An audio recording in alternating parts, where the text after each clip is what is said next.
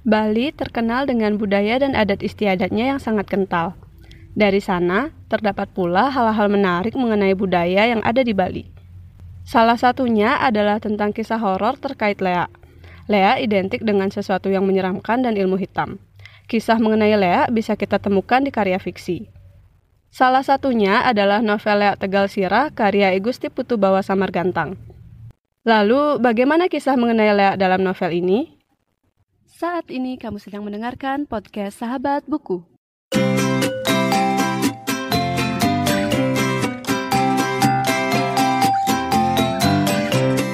Halo semuanya dan selamat datang kembali di podcast Sahabat Buku. Episode ini merupakan kolaborasi antara podcast Sahabat Buku dengan Pacar Merah dan penerbit Indonesia Tera. Di episode kali ini, aku akan membahas novela Tegal Sirah karya Igusti Putu Bawa Samargantang. Ini adalah episode spesial karena aku nggak membahasnya sendiri, namun aku membahasnya bersama Bapak Gede Arianta Sutama. Namun sebelum lanjut, aku akan membacakan sedikit sinopsis dari novel ini.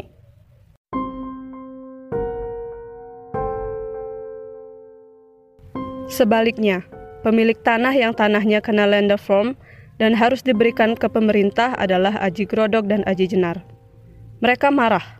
G30 SPKI terjadi di Jakarta. Tujuh jenderal terbunuh. Pembalasan dan penumpasan meluas terjadi di daerah-daerah. Juga sampai ke Bali Dua bersaudara itu menumpahkan benci, dendam, dan sentimen pribadi mereka di Banjar Tegal Sirah.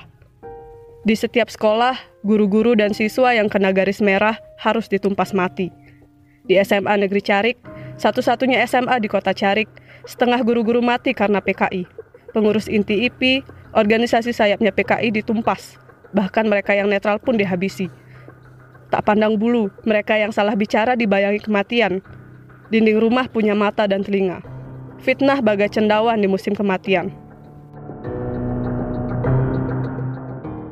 Singkatnya, novel ini membahas tentang kejadian-kejadian pasca G30 SPKI di Banjar Tegal Sirah, di mana terdapat 20 laki-laki yang dibunuh karena dianggap simpatisan PKI. Roh mereka yang tidak tenang akhirnya menjelma menjadi leak sirah atau hantu kepala dan mendatangi bendesa adat untuk meminta keadilan. Nah, sebelum lanjut ke diskusi novela Tegal Sirah ini, aku akan memperkenalkan terlebih dahulu narasumberku kali ini, yaitu Bapak Gede Arianta Sutama.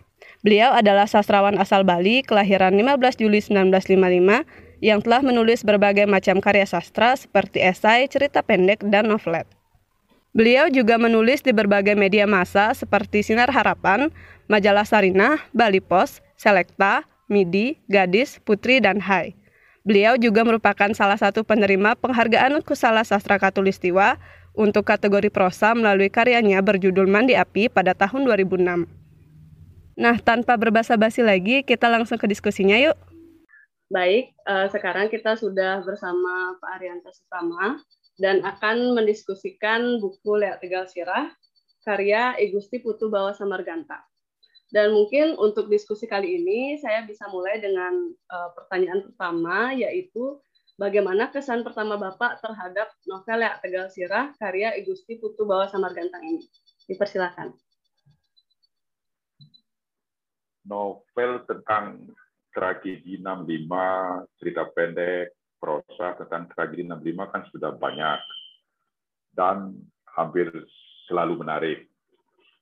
Nah, karya Samar Gantang ini dia menarik karena dia menceritakan tragedi 65 yang terjadi di Bali.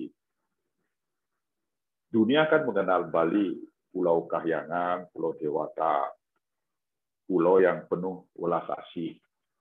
Tetapi catatan kemudian menyuguhkan di Bali banyak terjadi pembunuhan, pembantaian terhadap tokoh-tokoh komunis di tahun 65 dunia pasti tercengang di tempat yang aman, di tempat yang damai, di tempat yang yang kahyangan, banyak bidadari, tetapi mereka juga saling membunuh membunuh.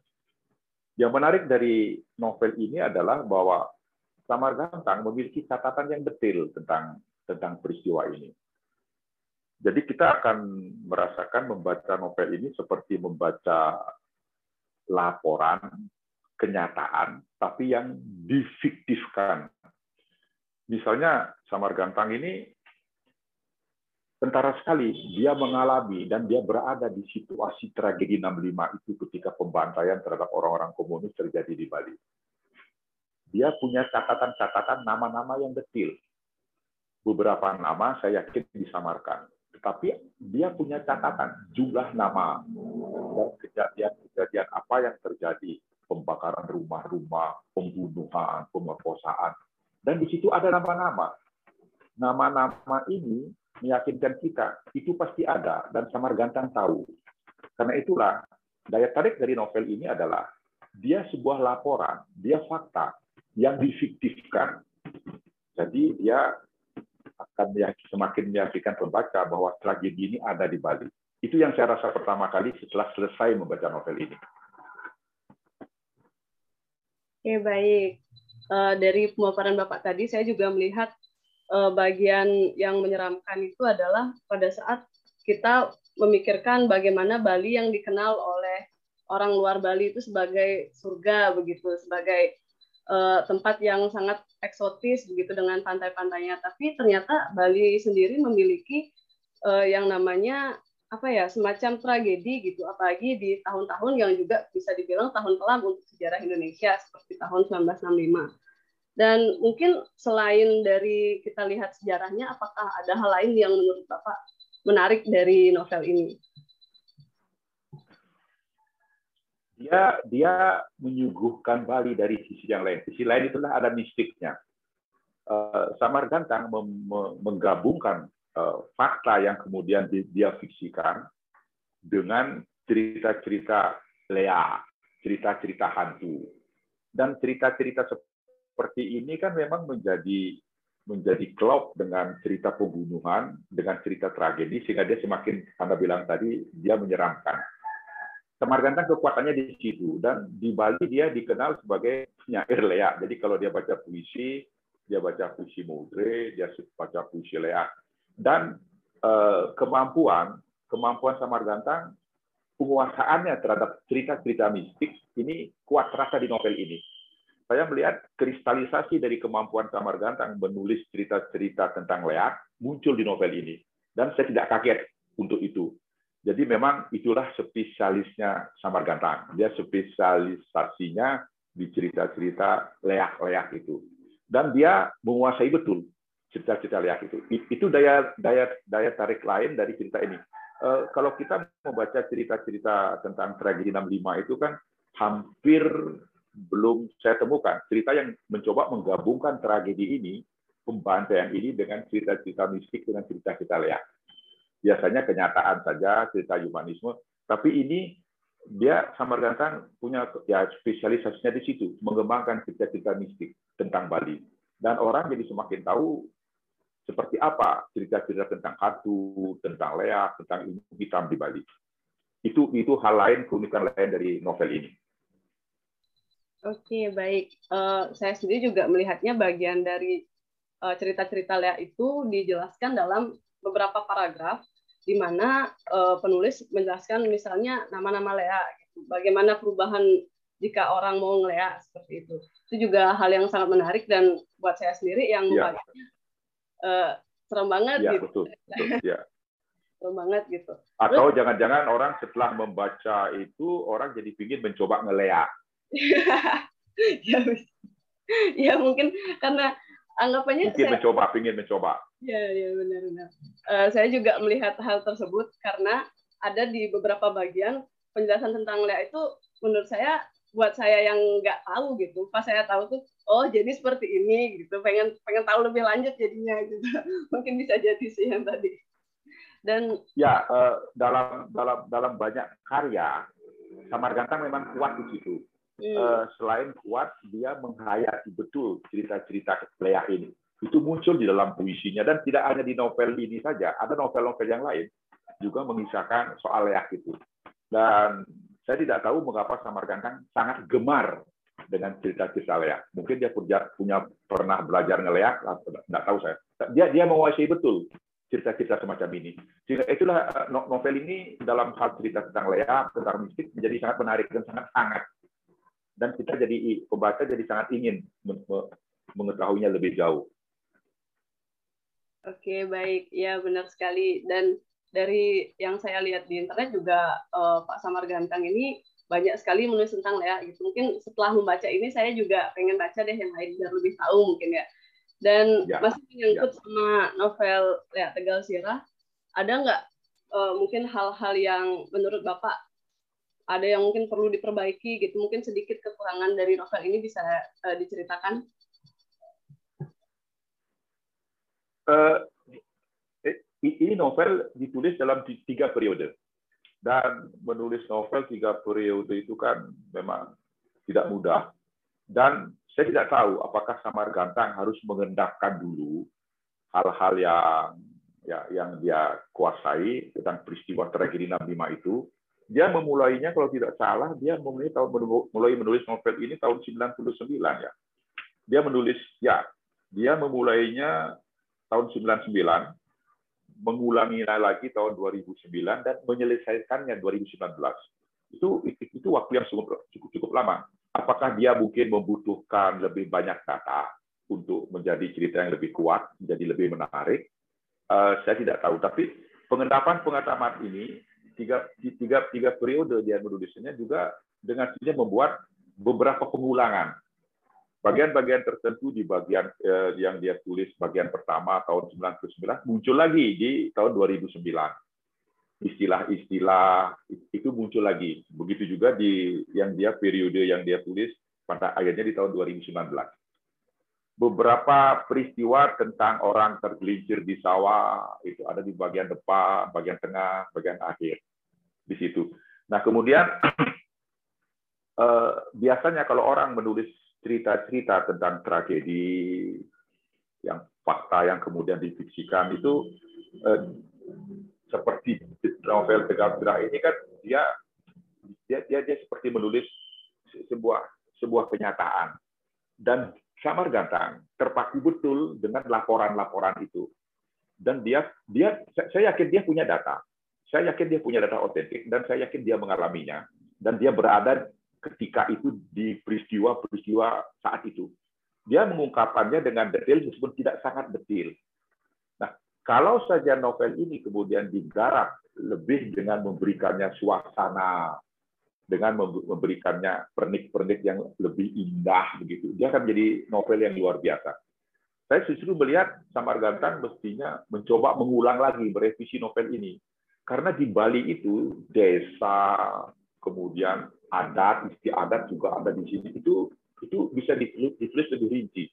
Eh, peristiwa pemerkosaan itu terjadi ditulis terlalu tergesa-gesa.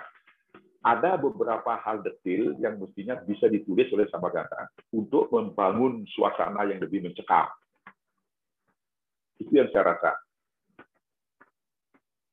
Oke, baik. Jadi eh, bagian yang seperti Bapak katakan tadi, saya rasakan juga di bagian uh, saat uh, apa tokoh utamanya yaitu uh, Tiji Brag itu melihat uh, orang diperkosa gitu oleh uh, salah satu algojo seingat saya kan. Tapi uh, tidak benar-benar gimana ya di seakan lewat aja adegan tersebut. Padahal kalau di mungkin di, direvisi lagi itu bakal jadi lebih cantik gitu adegannya. Dan uh, menyambung tadi uh, tentang apa namanya tentang Bali dan juga adat istiadatnya nah bapak sendiri kan menulis banyak uh, buku nih terkait uh, Bali dan juga adat istiadat di Bali. Uh, bagaimana pandangan Bapak terhadap latar dari novel ini, mengingat uh, ini menceritakan Bali yang uh, dalam sejarahnya itu sejarah kelam gitu, bukan uh, kecantikan Bali yang biasa orang lihat dari mungkin media sosial dan juga apa pun yang diketahui oleh orang-orang di luar Bali gitu. Ya, itu sudah saya di pertama saya bilang. Ini ini ini novel yang menceritakan sisi gelap Bali orang-orang yang selama ini mengenal Bali sebagai tempat yang ya untuk piknik, untuk berwisata, ini sepatutnya mereka baca. Uh, para wisatawan kan tahunya orang Bali itu ramah, welcome. Tapi di sini akan ketahuan betul. Kenapa? Kenapa? Ada apa dengan orang-orang Bali? Beberapa orang bisa jadi tidak percaya ini. Ini ini saya seperti berkali ulang saya katakan ini sebuah fakta yang di yang ditulis dari berdaya fiksi oleh si Tamar Gantang. Misalnya, kan ada cerita anak-anak SMA, ini orang-orang Bali, anak-anak Bali, digerakkan oleh gurunya untuk melempar rumah-rumah orang-orang komunis, membakar, kemudian mereka diajak bersiap untuk membunuh. Ini sesuatu yang mungkin bagi banyak orang yang datang ke Bali hari-hari ini itu tidak masuk akal orang Bali lakukan itu. Tetapi ya itulah itulah yang terjadi. Itulah ya, ya, ya, yang yang, yang ada saat ini. Kalau orang melihat adat istiadat Bali yang guyup, saling tolong menolong, memang menjadi sesuatu yang aneh bahwa politik bisa juga merusak adat istiadat Bali. Itu itu hikmah dari dari uh, novel ini. Sehingga uh, sampai saat ini desa-desa adat di Bali itu kan mereka selalu selalu waspada, was-was kalau kemudian hal-hal politik masuk ke desa adat. Tetapi orang Bali memang harus tahu adat agar mereka tidak menjadi korban, tidak termakan oleh hasutan politik. Ini dilema bagi orang-orang Bali. Nah, itulah mungkin yang terjadi, itulah mungkin kita bisa berkaca dari novel ini bahwa orang Bali yang begitu guyup adat dalam adat istiadat mereka, mereka juga bisa menjadi pembunuh berdarah dingin. Seperti itu. Oke, baik. Ya, benar sekali seperti yang uh, Bapak katakan tadi uh, apa namanya? pengaruh politik dalam dalam buku ini juga uh, kuat sekali apalagi latar yang diambil juga latar yang bisa dibilang kalau orang Indonesia pasti kayak udah tahu lah latar 1965 itu uh, sebegitu kelamnya begitu. Dan mungkin karena kita juga sama-sama orang Bali gitu, saya orang Bali dan bapak orang Bali, merasakan uh, novel ini dekat gitu dengan adanya Lea, dengan adanya uh, mungkin sejarah yang uh, apa namanya kita tahu bersama gitu, kayak adat istiadatnya juga kita tahu bersama. Nah sekiranya ada nggak hal-hal yang bisa bilang uh, bisa dibilang uh, seperti perlu nih ditauin oleh orang-orang yang ingin baca buku ini, terutama orang-orang luar Bali. Apa sih yang mungkin Eh, hal-hal uh, yang harus dicari lagi gitu, digali lagi dari buku ini gitu. Uh, saya berharap Sabar Gatang bisa menulis ulang buku ini, mungkin menjadi cerita yang lebih lebih lebih tebal. Uh, saya ingin Sabar Gantang pengarangnya ini menulis kekerasan, menulis tragedi 65 ini menjadi karya yang lebih indah. Jadi kalau kita membaca Mahabharata, Bharata Yuda, itu kan kekerasan itu, itu perang. Tapi ditulis dengan indah. Sehingga kita bisa berkaca pada kekerasan yang ditulis indah itu. Eh, buku ini, Leyak Tegal Sirah ini, punya peluang ke situ. Karena ini kan pertikaian sama orang Bali antar kerabat orang Bali di dalam Yuda itu juga kan mereka sesama kerabatnya berkait tapi indah kita kita senang membacanya dan kita merasakan keindahan di karya besar itu nah Ketika saya selesai membaca, itu yang saya rasakan. Novel ini alangkah indahnya kalau bisa dibuat indah oleh Kamar Gantang. Mungkin kalau saya ketemu Kamar Gantang, saya bisa menganjurkan itu. Karena karena Kamar Gantang dia dia menguasai, dia kan dia kan membaca karya-karya sastra lama yang penuh dengan keindahan. Dia tinggal mengambil itu dan dia pasti menguasai benar cerita-cerita tentang pewayangan. Di mana cerita-cerita yang banyak bercerita tentang kekerasan, tetapi disajikan dengan indah. Keindahan itulah yang mungkin yang agaknya perlu di, dibanyak untuk merias novel ini. Sehingga dia menjadi karya yang lebih lebih oke, okay, lebih mantap.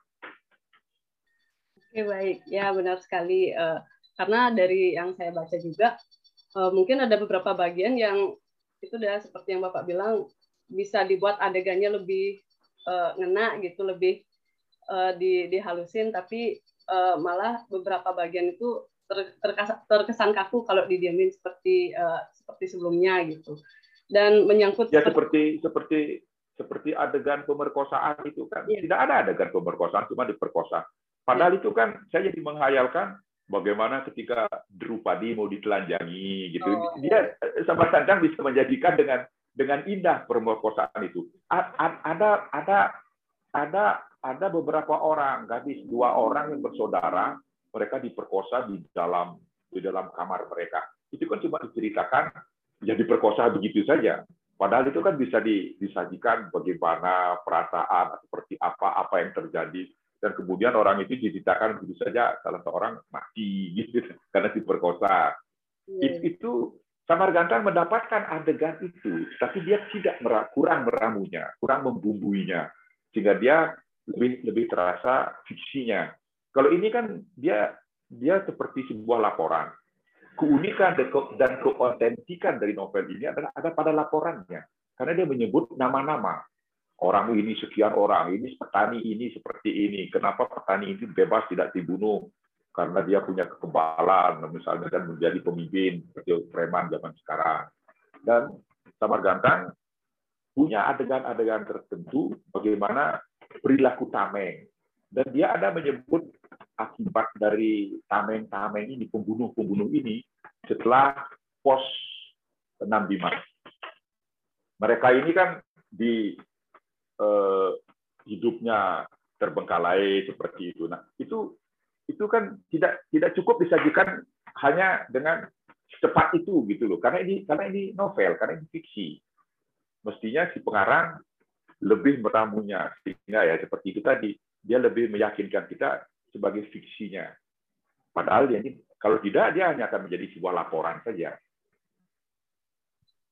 Ya benar sekali. Uh, seperti yang Bapak bilang tadi saya juga merasakan bahwa uh, apa namanya seperti pada adegan pemerkosaan itu jika kita bisa lihat mungkin uh, di apa namanya dibuat dia misalnya si si Jibrag begitu melihat itu terus bagaimana perempuannya gitu bereaksi terhadap itu. Jadi mungkin sedikit dibuat dramatis dibandingkan uh, biar tidak datang gitu, dan ya ada ada, ada tokoh siapa namanya? Jibrag ya Jibrag yang memperkosa memperkosa itu.